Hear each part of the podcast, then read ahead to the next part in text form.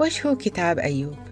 كتاب أيوب يتكلم عن قصة أيوب ويعتبر من الكتب اللي فيها حكمة في الكتاب المقدس زي كتاب المزامير وكتاب الأمثال قصة أيوب تبين سيادة الله المطلقة ومن خلال قصة أيوب نعرف معنى الإيمان الحقيقي ونلاقي جواب على السؤال ليش المؤمن يتألم؟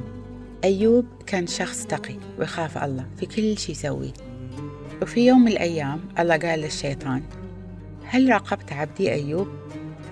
فإنه لا نظير له في الأرض فهو رجل كامل صالح يتقي الله ويحيد عن الشر وحتى الآن لا يزال متعصما بكماله ومع أنك أثرتني عليه لأهلكه من غير داعي فالله طلب من الشيطان أنه يراقب أيوب ويبتليه وما كان غرض الله أنه يعذب أيوب بس كان غرض الله أنه يختبر إيمان أيوب.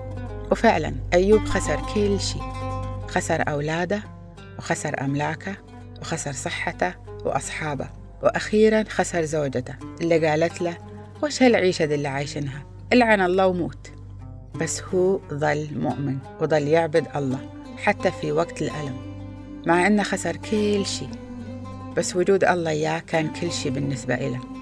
وبعدين الله شفاه وعوض ضعفين عن كل شيء خسره وأيوب قال هذه الكلمات. قد أدركت أنك تستطيع كل شيء ولا يتعذر عليك أمر. تسألني من ذا الذي يخفي المشورة من غير معرفة؟ حقا قد نطقت بأمور لم أفهمها وبعجائب تفوق إدراكي. أسمع الآن وأنا أتكلم. أسألك وأنت تعلمني. بسمع الإذن قد سمعت عنك والآن رأتك عيني لذلك ألوم نفسي وأتوب معفرا ذاتي بالتراب والرماد.